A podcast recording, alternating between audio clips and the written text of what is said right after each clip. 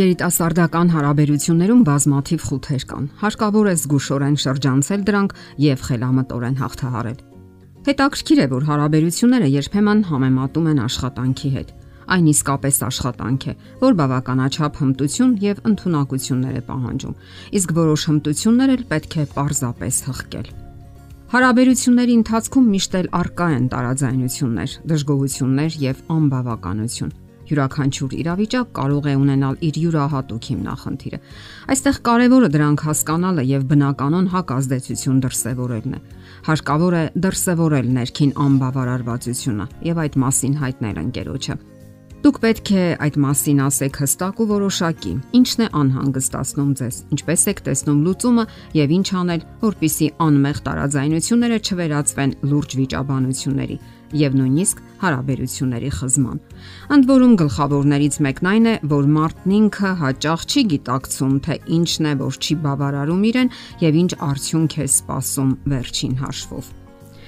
Գոյություն ունի տարաձայնությունները հարթելու ճիշտ ուղի։ Նախ որոշում եք հարթել իրավիճակը, հետ եք պատտում իրավիճակը ոչ միայն այն պահը, երբ սկսվեց վեճը,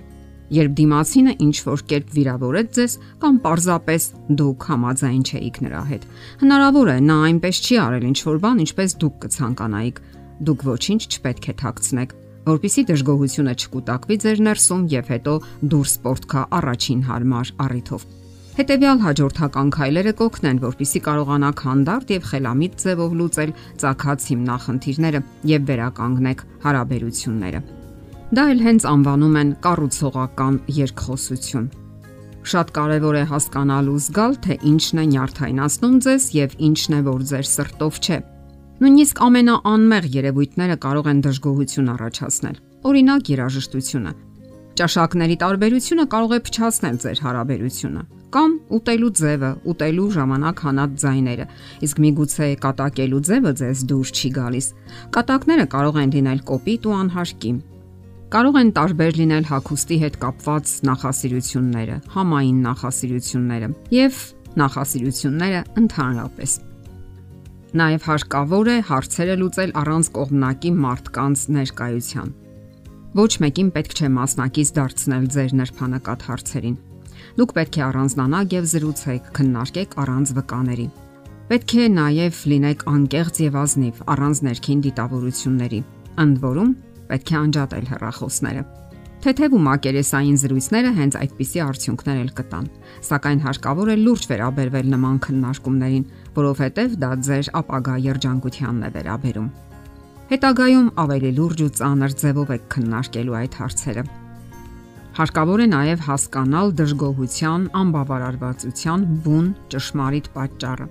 Միասին դիտարկեք վերլուծեք իրավիճակն ու խնդիրը տարբեր տեսանկյուններից։ Սահմանեք զգացումը։ Այն կարող է օրինակ այսպիսի արտահայտություն լինել. տհաճ զգացում։ Սա ընդհանուր արտահայտություն է, որ բավականին հեղեղուկ է եւ շատ քիչ բան է ասում։ Ընդ որում չի կարող օգնել իրավիճակը parzabanելու համար։ Ահա թե ինչու կարևոր է կոնկրետ բառերով արտահայտել հոգեվիճակը։ Այդպիսի բառեր կարող են լինել, ասենք, գրգռվածություն, հիասթափություն, բարկություն, չարություն, զզվանք, տհաճություն, անհանգստություն, վիրավորանք եւ այլն։ Հասկացեք, թե այդ բառերից որն է համապատասխանում ձեր վիճակին։ Հիշեք նաև, թե երբ վանից է սկսել ձեզ մոտ այդ բացասական զգացումը ձեր դիմացինի հանդեպ։ Հնարավոր է այն վաղ է սկսվել եւ դուք նշանակություն չեք տվել դրան։ Կարևոր է նաև հիմնախնդիրը ճիշտ ձևակերպելը Երբ դուք արդեն սահմանել եք դժգոհության պատճառը, ձևակերպում եք նաև հիմնախնդիրը։ Երբ դուք հասկացաք պատճառը, դա ձեզ թեթևություն տվեց, իսկ այժմ, երբ խնդիրը པարզ է, դուք ձևակերպում եք այն մոտավորապես այսպես. Ես տխրում եմ, երբ նա մոռանում է իր խոստումները կամ իմ խնդրանքները։ Ես վիրավորվում եմ, երբ նկատում եմ, որ մեզ տարբեր երևույթներ են դուր գալիս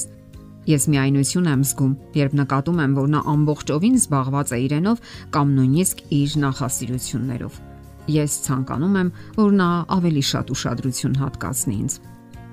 Մենք կարծում ենք, որ նախորդ կետերը կատարելուց հետո երիտասարդները որոշակի թեթևացում եւ հանգստություն կգտնեն։ Նախկինում դժվար էր հաղթահարել հույզերը, իսկ այժմ դրանք ավելի հստակ են ու հասկանալի եւ հետեւաբար կարելի է խոսել ընկերոջ հետ։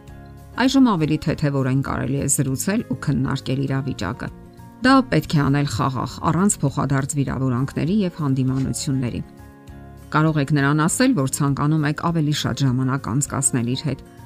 Խուսափեք գնահատական տվող դատողություններից եւ մի առաջարկեք նրան փոխվել։ Տրամադրվեք ներկայացնել ոչ միայն ձեր հույզերն ու նկատառումները, այլև հասկացեք նրան, նրա զգացմունքներն ու տեսակետները։ Ձգտեք հասկանալ նրա պահանջմունքներն ու ցանկությունները։ Ցույց տվեք, որ պատրաստ եք երկխոսության։ Պատրաստ եղեք նաև այն բանին, որ հիմնախնդիրը միանգամից չի անհետանալու առաջին իսկ փորձից։ Չէ որ նման զրույցների գլխավոր նպատակը միմյանց զգացմունքներն ու պահանջմունքները լսելն ու հասկանալն է եւ միայն այդ հմտությունները յուրացնելուց հետո է, որ դուք կսկսեք նկատել փոփոխությունները ոչ թե միայն բարերի մեջ, այլև գործնական կյանքում։ Դե ինչ,